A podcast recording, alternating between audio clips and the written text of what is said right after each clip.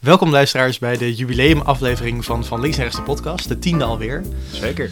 Eh, ik host eh, vandaag de aflevering, toch zitten we bij Pol. Ja. Dus het is een beetje uh, omstandigheden. Volgende week zitten we weer bij, bij mij thuis. We gaan het even afwisselen. Mhm. Ehm, Pol, je zit naast me, hoe is het met je? Ja, het is, het is prima. Ja, zoals jij het in mijn kamer kan zien, en eh, we zullen straks ook een fotootje even delen op social media, ehm, zitten we tussen mijn verhuisdozen. Ja. Mijn kamer is zo goed als eh, voor het grootste deel leeg met mijn eigen spullen.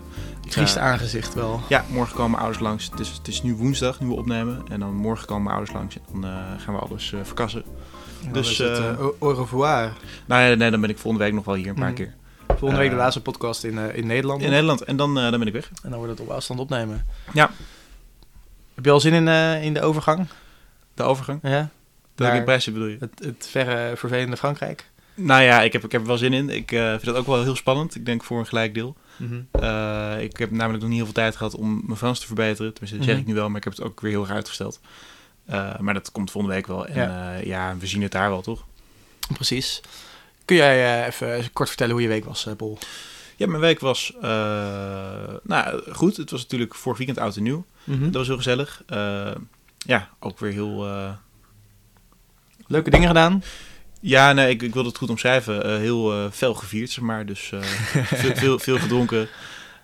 Ja, dat was leuk. Een potje hier en een kaasje daar. Zeker, we hebben het chic, chic aangekleed met het kordiaal. Ja. En de rest van de week... Nou ja, goed, het was dus januari en eh, toen dacht ik, nou, het is wel goed dat de feestdagen weer voorbij zijn. Dus ik heb veel gesport, eigenlijk niks gedronken. En eh, nu zitten we hier. En nu ben ik vooral bezig met verhuizen. En Ja. eh, oh ja, dat is irritant, mijn laptop die is stuk. Dat is Dus- kut, ja. Want internet doet niet meer, dus we nemen nu op met het internet van mijn Mhm. telefoon. Dus er is een oplossing, maar het is vrij provisorisch. Ja. ja. Hopelijk dat het nog opgelost wordt. maar hoe was jouw week? Leuk. Ja, ik, ik heb met jou eh oud nieuw gevierd hier. Port en nieuw, zoals we dat met cordiaal noemen. Ja. Voor het eerst in Leiden gevierd. En ik vond het erg leuk. Was gezellig. Ja. Eh, zondag nog wat leuks gedaan. Ik dacht, misschien begin je daar nog over. Eh, Zondag leuk gedaan? ik zie Paul zo nadenken. Zondagavond, wat was het er ook weer? Zondagavond? Wacht. Oh, sorry. ja, ik dacht, ik dacht misschien komt hij er zelf nog op. Maar ja, het, eh, het was even... Ik stel teleur... Nee, Het is ook s'avonds nu, ik ben ook heel moe van verhuizen. Precies, ja. Nee, er was een verrassingsfeestje voor mij georganiseerd. Nou, wat Het leuk. was een soort afscheidsfeestje. Ja. Wat echt heel leuk was, waren het niet dat ik dus iedereen gewoon nog eens zie voordat ik wegga. Dus een Mhm. echt afscheid was het niet. Maar het was echt heel leuk. Ik had, eh, blijkbaar was mijn zusje er al sinds november of zo mee Mhm. bezig. Ja, klopt. Ik, ik had niks door. Je had ons al benaderd. Nee, het was gezellig. Het was Ja. een leuke avond. Ehm, dan kunnen we denk ik beginnen met de, met de aflevering verder. Ja, waar Ehm, gaan we het over hebben? We gaan het hebben over tienerjaren. 10-R-jaren natuurlijk. Want eh, het is aflevering 10. We dachten dat is wel leuk omdat er wat Ja, bij past. een leuke woordgrapje. Precies, daar gaan ook de, de stellingen over eh, later in deze podcast. Maar laten we beginnen met de luisteraarsvraag. Gewoon een interessante vraag gekregen Mhm. van een trouwe luisteraar. En de vraag luidt, wat is jullie visie op een universeel basisinkomen? Interessant onderwerp. Ja, Paul, zou jij willen beginnen nou ja, je eh, als we het natuurlijk, eh, ik heb zeker mijn antwoord ook al klaar. Mhm.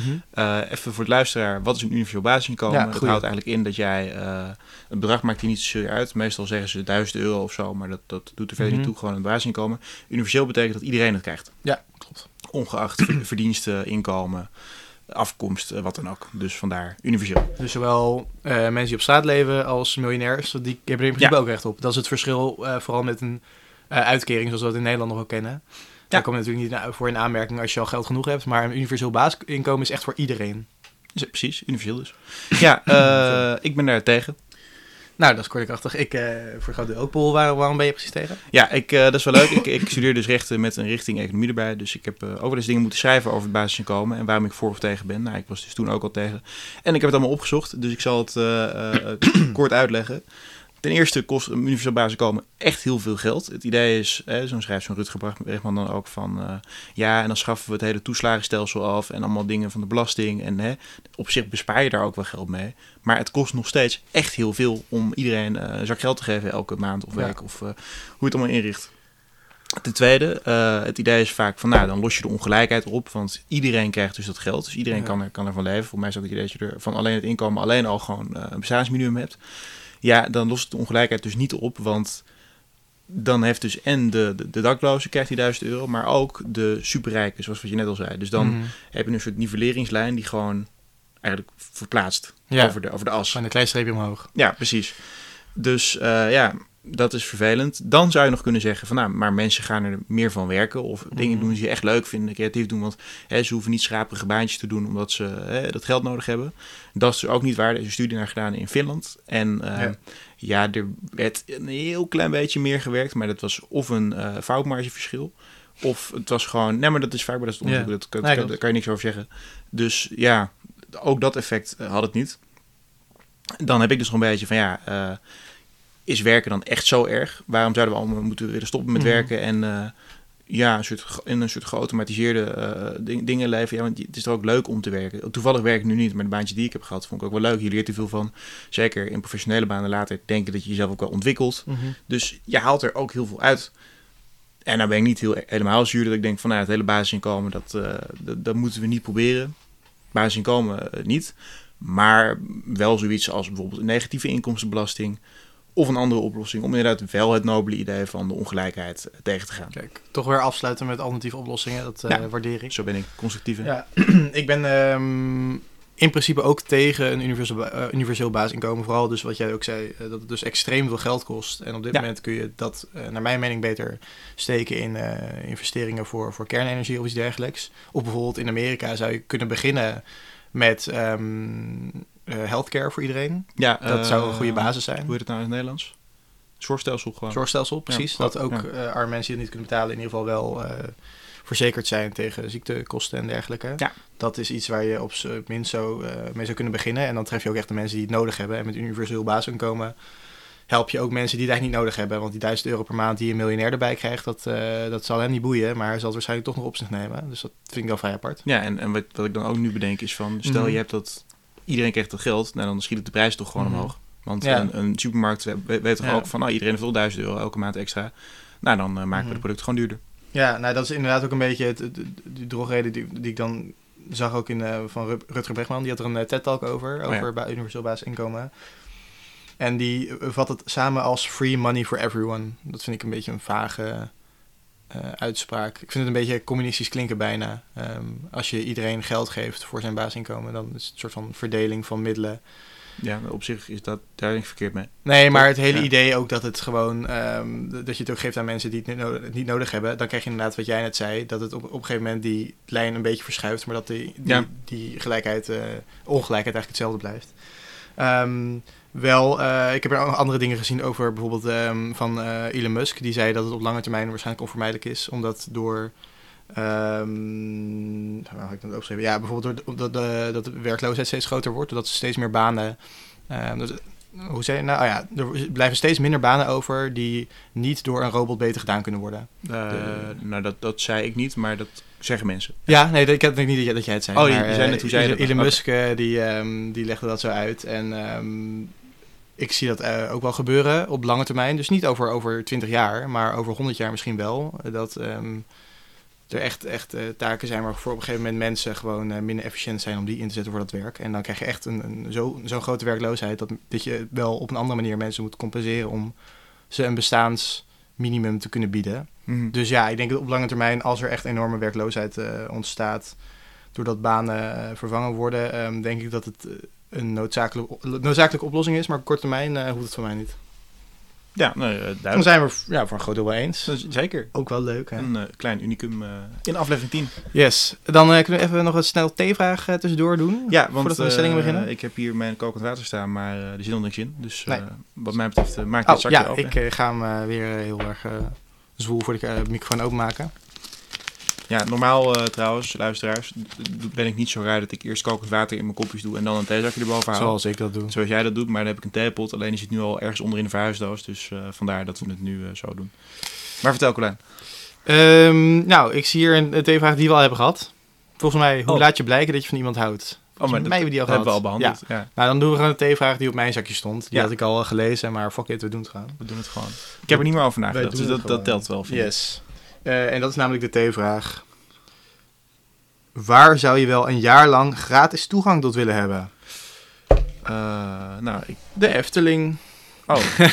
nou, is, Nou ja. is het zo? Want ik denk dat het wel gaat vervelen op een gegeven moment. Ja, ik zou kiezen, kiezen wat dichter bij huis is. Want Efteling moet je helemaal naartoe. Kaatsheuvel, wie heeft daar zin in? Nee, voor de rest, wat, wat zijn echt dingen die normaal geld kosten? Oh, ik heb, eh, ik heb wel een leuke. Nou, Ja, een, beetje, een beetje een strik vraag-antwoord, maar eh, het OV. Vind ik een beetje een... Ja, nou ja, is slim eigenlijk. Ja, wel slim hè. Dan, dan voeg ik gewoon nog een jaar toe aan mijn studentenreis. Dat is gewoon openbaar vervoer. Ja. En dan ook gewoon eh, zowel weekend als, als, eh, ja, als oh, door de oh, week. dat zou echt wel uitkomen, ja. Eerste klas, even meepakken. Oh ja, zeker. Dan, ja. Valt eh, vliegen ook onder openbaar vervoer? Dan heb je dat ook gelijk? Nee, nee. Hij is openbaar vervoer, toch? Nee, dat zijn private maatschappijen die... eh, Ja, die, die, fair enough. die- nee. Fair enough. Ehm, ja, dat is een slim antwoord. Wat zou nog meer tof zijn? Eh, Nou, de bioscoop. Ik bedoel, Oh, daar, ja, heb ja. ik al een abonnement voor voor een jaar lang. Als dat eh, door iets anders betaald wordt. ja, Dankjewel. jouw, eh, Cineviel eh, pas. Cineville pas. Hopelijk kan ik hem binnenkort weer gebruiken. Ja, veel leuke films gezien eh samen Mhm. afgelopen jaar, zeker. Zeker, ja. Goed veel films. Veroordeling was een, is een aanrader. Ja. Oké, maar zullen we maar doorgaan? We gaan maar door, want we hebben een interessant onderwerp en ook wel flink wat stellingen. Dus ehm, De tienerjaren. de tienerjaren. Vertel, Carlijn. Yes. Ja, dat vonden we leuk, omdat het past bij deze jubileumaflevering. Ehm, we gaan met deze stellingen dus terugkijken op, eh, op onze eigen tienerjaren. En dan met name de puberteit. De keuzes die we toen gemaakt hebben, hoe we erop terugkijken. Hebben we goede dingen gedaan, ook fouten gemaakt. Absoluut. Ehm, zijn we trots op wat we bereikt hebben? Wat is er? Je moet lachen. Oh, nee, nee, ja, nee, dat is meer het grapje van, heb je fout gemaakt? Absoluut. Ja, ik denk iedereen wel, toch? Maar daar komen ja, we zo nee, op. daar ko- komen we zo op inderdaad. Ehm, de eerste stelling heeft inderdaad vooral wel met eh puberteit te maken. En dat is, ik voelde me in mijn, in mijn tienerjaren onbegrepen. Dus echt zo'n, ik ben een puber, ik luister naar, luister naar punk, want niemand begrijpt mij de- in deze Oh, maatschappij. ik luisterde wel naar punk. Ja, luister wel Dat, naar eh, punk, ja, nee, maar, ja. maar niet tot die reden, maar oké. Dat ze koptelefoon op en dan zo boos. Zo, mm. Nee, nee, nee, nee, gewoon met oortjes. Oh, Oké, oh, zo. Nee, la, eh, Maar nee, hele, hele, goedkope oortjes. eh, ja, eh, zal ik maar beginnen dan? Mhm. Nou, ik, eh, nou, nee, ik ben het hier niet zo... Oh, ik heb hier één staan. oh, nee, ik, Niet mee eens, maar toch wel. nee ik, ik, ik heb een nuancering. Maar ja, goed, ik, ik verbeter mezelf even. Eh, ik ben hier een soort van mee eens. Want ja, ik denk dat iedereen zich wel tot op zekere hoogte onbegrepen, Mhm. wel eens onbegrepen heeft gevoeld. Dus ja, dan ben ik het ermee eens. Maar ja, als ik bij mezelf aan terugdenk, dan, denk je, dan valt het ook allemaal wel mee. Niet, niet meer dan, eh, dan anderen. Wat ik wel nog weet, en dat vertelden we mijn ouders tijd geleden, is, eh, ik ben, zijn we dus in 2014 was het geloof ik, dus ik was toen 14, zijn we op vakantie geweest in Parijs, in de meivakantie, een paar dagen. En dat was een hele leuke vakantie, vond ik, in mijn herinnering. En toen vertelde mijn ouders van, ja, weet je nog dat jij zo verschrikkelijk, maar niet boos, maar gewoon vervelend en niks was leuk en allemaal, moest allemaal anders. En dat, dat ze wel dachten van, nou, dat was eigenlijk best vervelend. Ik zei van, oh ja, en eh, toen ze zeiden, toen, toen dacht ik, ja, dat, dat was ook zo. En toen denk ik nu, goh, dat was ik echt heel vervelend. Maar dat heb je dan niet door. Mhm. Dus ik had meer af en toe van dat soort momenten. Ja. Dus ja, maar, maar niet echt van, oh, niemand houdt van me of zo, of, of, of zoiets. Nee. nee, dat is maar beter ook.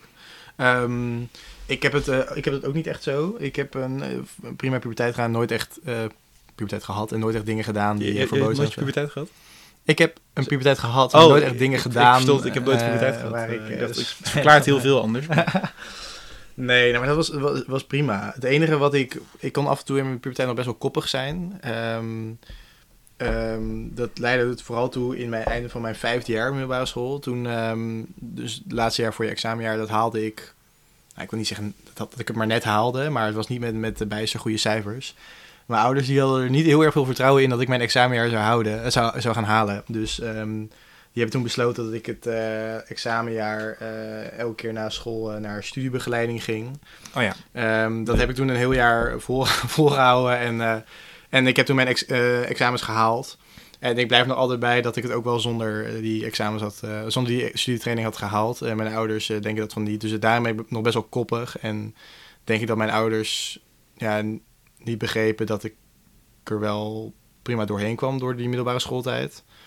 Ja, het is nog steeds een beetje flauw om nu te zeggen van... hé, hey, zonder jullie, zonder die studiebegeleiding waar jullie me op hebben gezet... had ik het ook wel gehaald. Dat heeft natuurlijk ook geld gekost. Dus een beetje Ja, dat flauw om te zeggen. een beetje de randstedelijke eh, rijke mensenoplossing, hè, studiebegeleiding en bijles. Het is niet, eh, wat is het nou weer, wat je dan later hebt, die avondschool, waar Luzak... Oh, eh, ja, zo, helemaal... dat is helemaal ja, voor, ja, kindjes. Nee, nee, zo is het helemaal niet raar, maar eh, ja, ik, eh, ik kon af en toe wel koppig zijn. Voor de rest voelde ik me niet echt onbegrepen. Ik heb prima ouders. Nou, mooi. mooi eh, Dankjewel, pap en mam. mooie ouders van Colijn. Jullie hebben een prachtig product weggezet.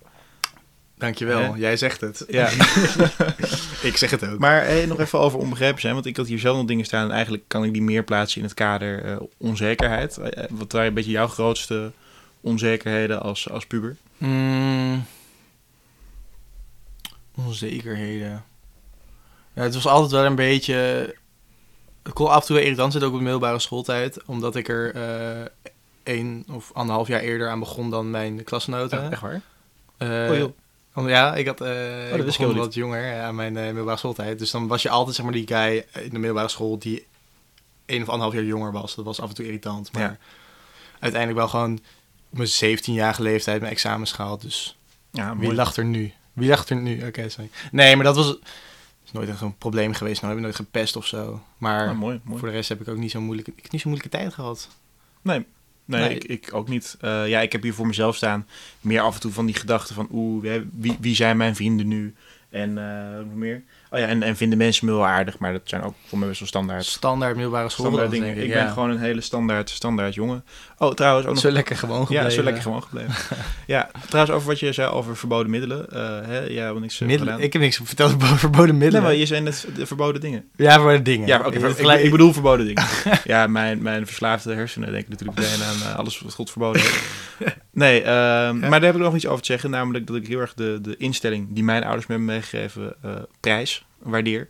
Die ga ik later, mocht het eh, voorvallen, ook zeker doorgeven. Namelijk de instelling, eh, veel plezier, maar doe geen dingen die ik ook niet zou doen. Ik vind hem een beetje een cliché geworden. Hoezo? Ja, ik weet het niet. Ik was nog aan het vertellen. Ja, nee, oké. maar Nee, maar gewoon- Juist, ja. Nee, maar dus gewoon meer van, eh hè, gij zult niet dit, dat, eh, je hoeft niet, niet alles af te zweren, maar Mhm. ook wel met de knipoog van, joh, hè, je, je mag best eens een sigaretje roken of zo, Ja. of eh, een, keer, Oh, een, keer, ja. een keer veel drinken, maar eh, zorg, hey, hou het wel een beetje binnen de perken. En dat vind ik een, dat vind ik een verantwoordelijke instelling. Want dan zeg je eigenlijk ook tegen je kind van, nou, je mag, ook eens, je mag het ook eens uitproberen. Ja, maar blijf wel verstandig nadenken. Is het. Ja, precies. Ja. Maar, maar niet van, eh, nee, dit mag je nooit doen, want wat, krijg- wat krijg je dan? Dat je het juist Dat je het doen. juist gaat doen, Dan ja. ga je juist eh, re- rebe- rebellen, rebelleren. rebelleren tegen ouders. Ja. Dan krijg je juist een puber. Die, dus inderdaad, dat is misschien wel de grootste tip. Gewoon niet, niet alleen maar dingen verbieden. Ja, we maken nog wel een keer een af- aflevering over opvoeding. eh, daar weten Ja. wij veel van. Want we gaan later kinderen opvoeden. Nou, wie weet, wie weet. Wie weet. Goed, Is tweede stelling? Zeker. Doen, yes. Dat is namelijk in mijn tienerjaren heb ik dingen gedaan waar ik spijt van heb. Ja, ik zie dat jij een heel duidelijk antwoord hebt. Dus jij mag eh, beginnen van mij. Ik ga even eh, mijn, mijn hele notitie voorlezen. Dus het is oneens. Ja, dat Nou. is mijn notitie bij deze. Waar, vertel, jij hebt nergens spijt van.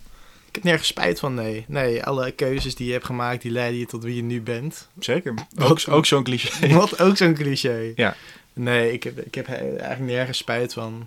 Eh, ik heb ook niet heel erg eh, extreme, gekke, bijzondere dingen gedaan of zo.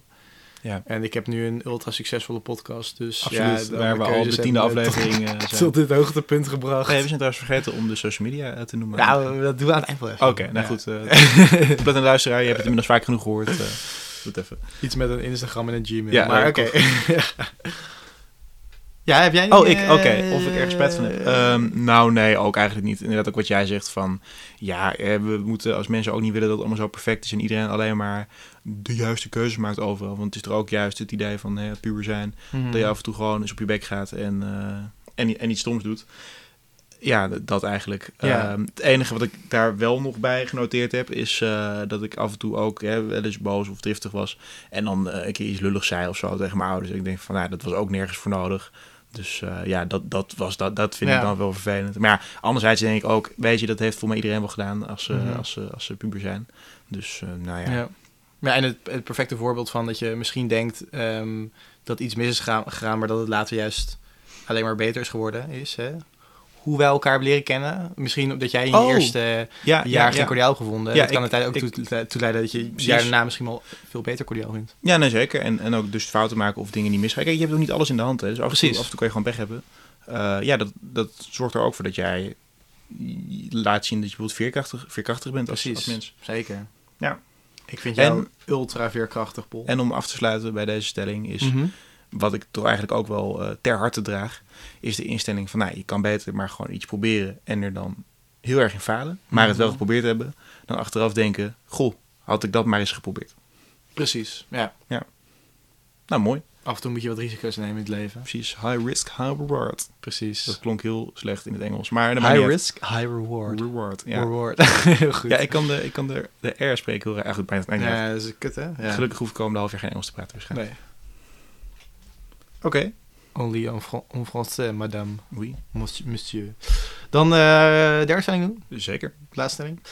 Ehm, lijkt een beetje op de twee misschien, maar misschien hebben we eh, wat vast een antwoorden. Als ik terug in de tijd zou kunnen gaan, eh, zou ik bepaalde dingen anders doen dan hoe ik ze eerst gedaan heb. Je hebt een heel mooi antwoord voor mij ingevuld. Ja, want ik had verwacht dat jij naar de stellingen zou kijken, maar dat heb je dus niet gedaan. Nee, ik was vandaag ziek, dus eh, vandaar dat we ook eh, Ja, ik, eh, op de avond pas ik, ik zie het, ik zie het aan je.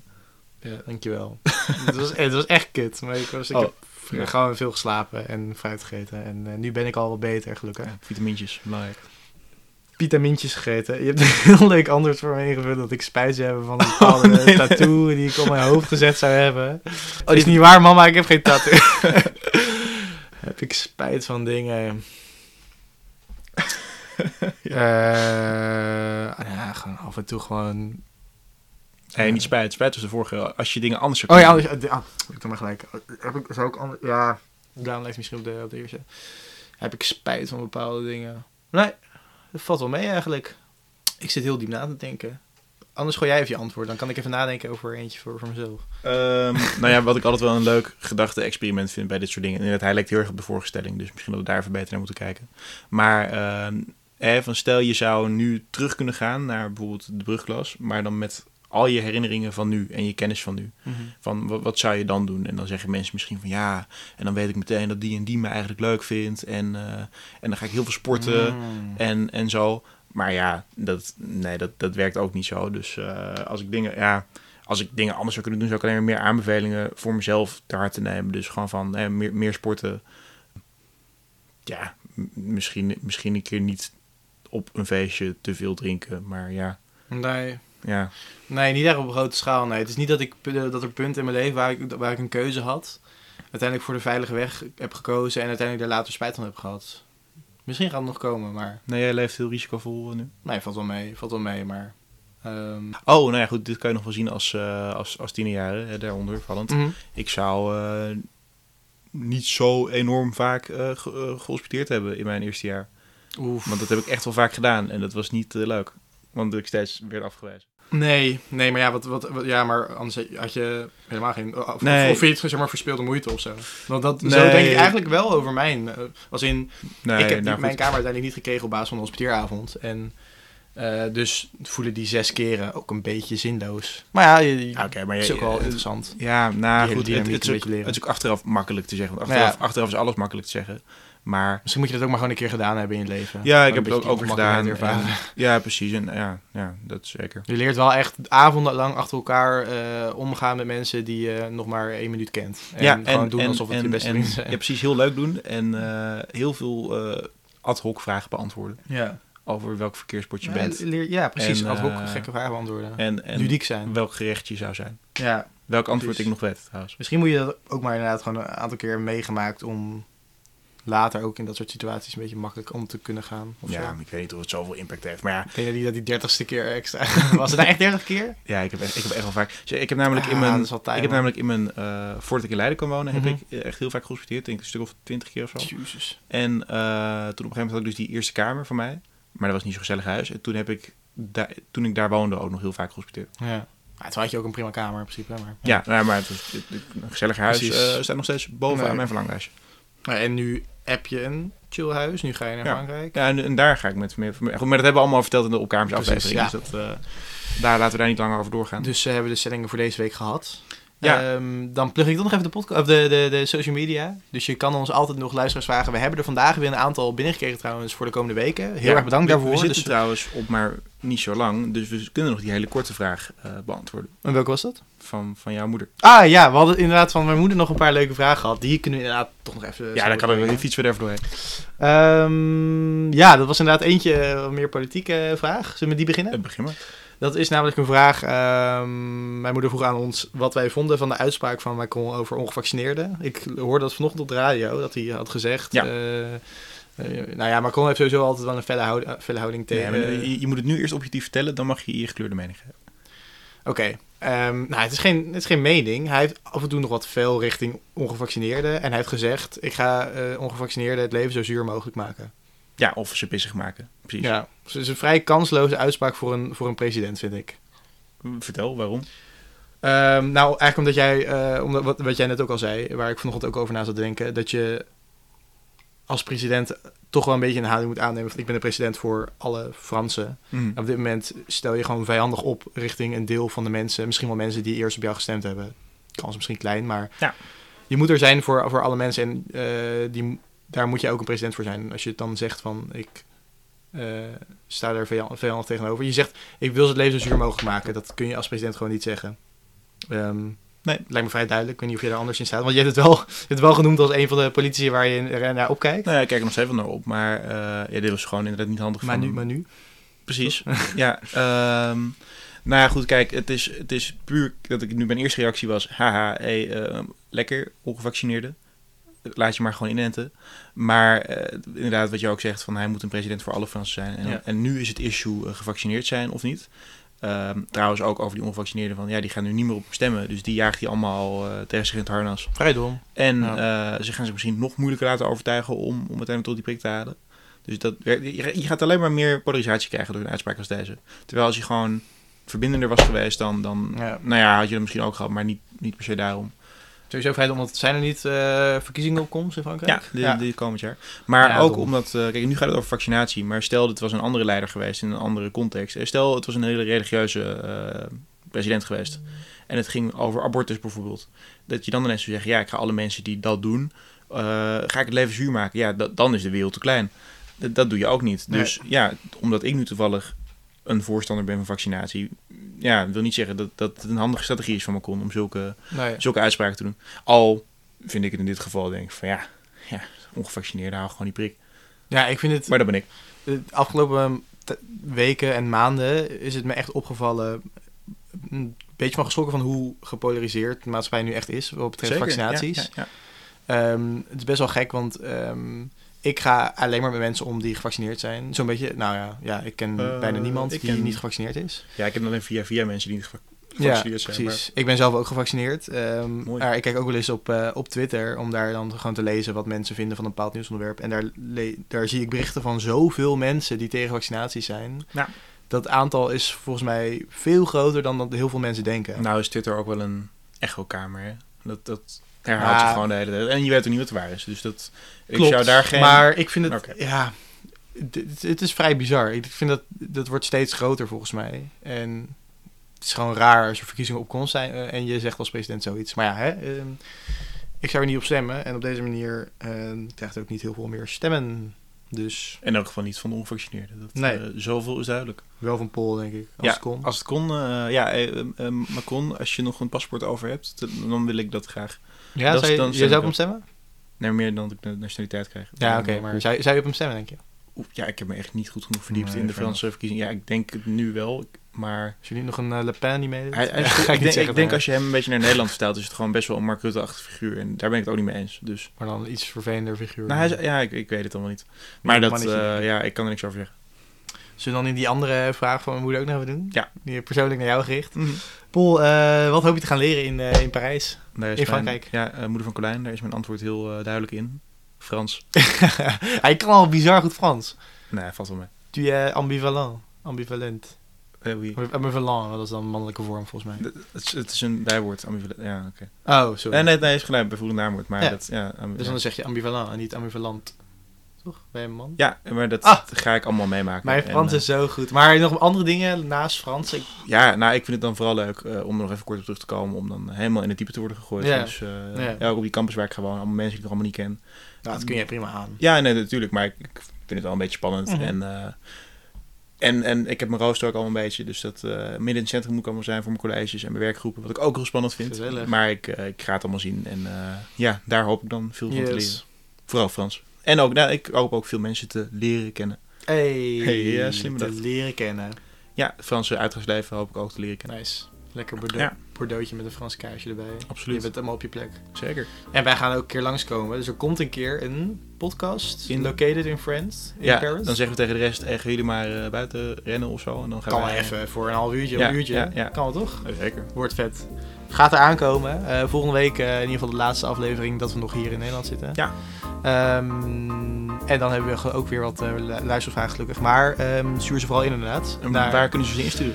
Kan via de mail. vlnr eh podcast.gmail.com. Ja. Volgens mij hebben we wel geteld tot nu toe maar één mail gekregen. Dus stuur ze vooral daarin. Dan is Ja. die eh, mailbox ook actiever. We zouden ook graag antwoord willen hebben op de mails die we verstuurd hebben. Secretarisvereniging van Augustinus. Mocht je dit eh, horen, ja. we willen graag in een nieuwsbrief. We willen Eh, graag we in een hebben dus denk ik nog een mailtje versturen, Ja. want ze heeft onze mail niet gehad, dus luistert waarschijnlijk niet. Ehm, voor de andere mensen onder ons die Instagram gebruiken, kan het naar vlnr.podcast Ja. eh, op Instagram. Ehm, dus stuur ze vooral in. Ja, en dan zien we elkaar eh, volgende week. Tot volgende week. Doei.